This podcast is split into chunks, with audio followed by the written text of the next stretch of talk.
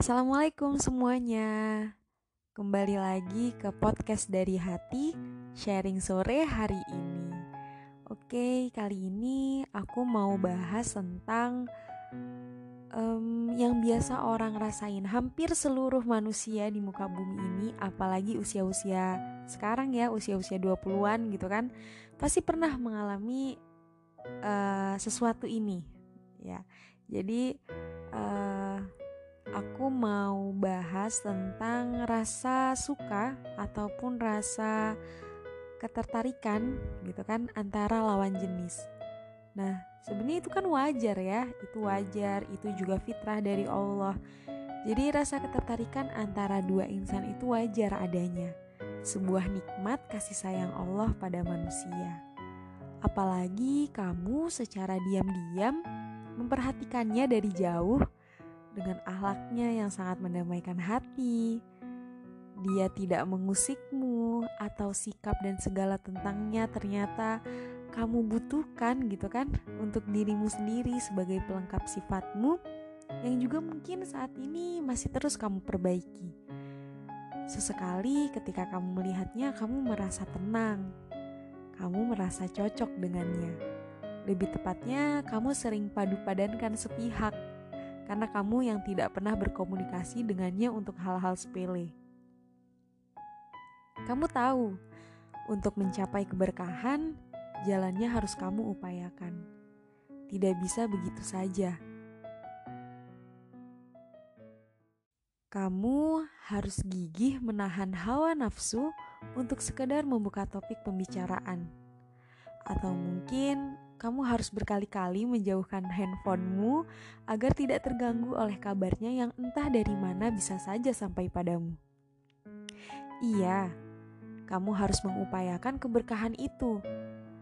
Jangan karena rasa yang awalnya adalah fitrah, lalu kamu tuangkan pada jalan yang tidak Allah ridhoi. Alih-alih mungkin sekedar bertanya kabar, eh malah berlanjut sampai tengah malam atau bahkan menyatakan perasaan. Wala taqrabuz zina innahu kana fahisyatan wasa asabila. Singkatnya, janganlah kamu mendekati zina. Mendekatinya aja kita nggak boleh ya kan? Berarti kita juga harus menutup pintu pintu-pintu jalan yang mengarah kita mendekati zina.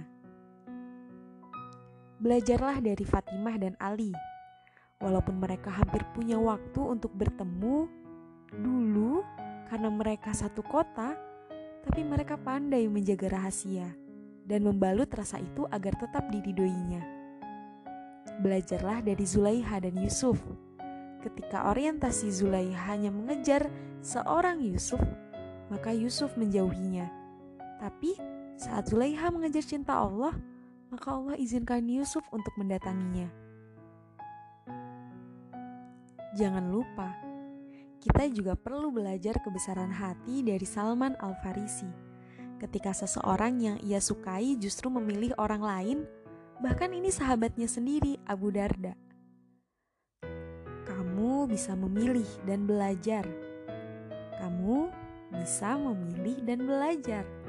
Kisah mana yang bisa kamu tuangkan untuk mengupayakan yang mulanya fitrah menjadi berkah? Bukan malah menjadi fitnah. Satu lagi, setiap orang bisa berubah. Setiap detik selalu berhasil terlewati. Yang namanya masa lalu juga bisa dibenahi. Baik adalah milik setiap insan.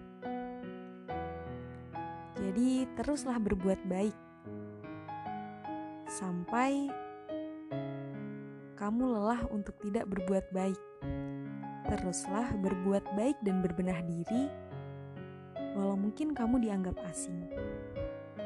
Selamat sore.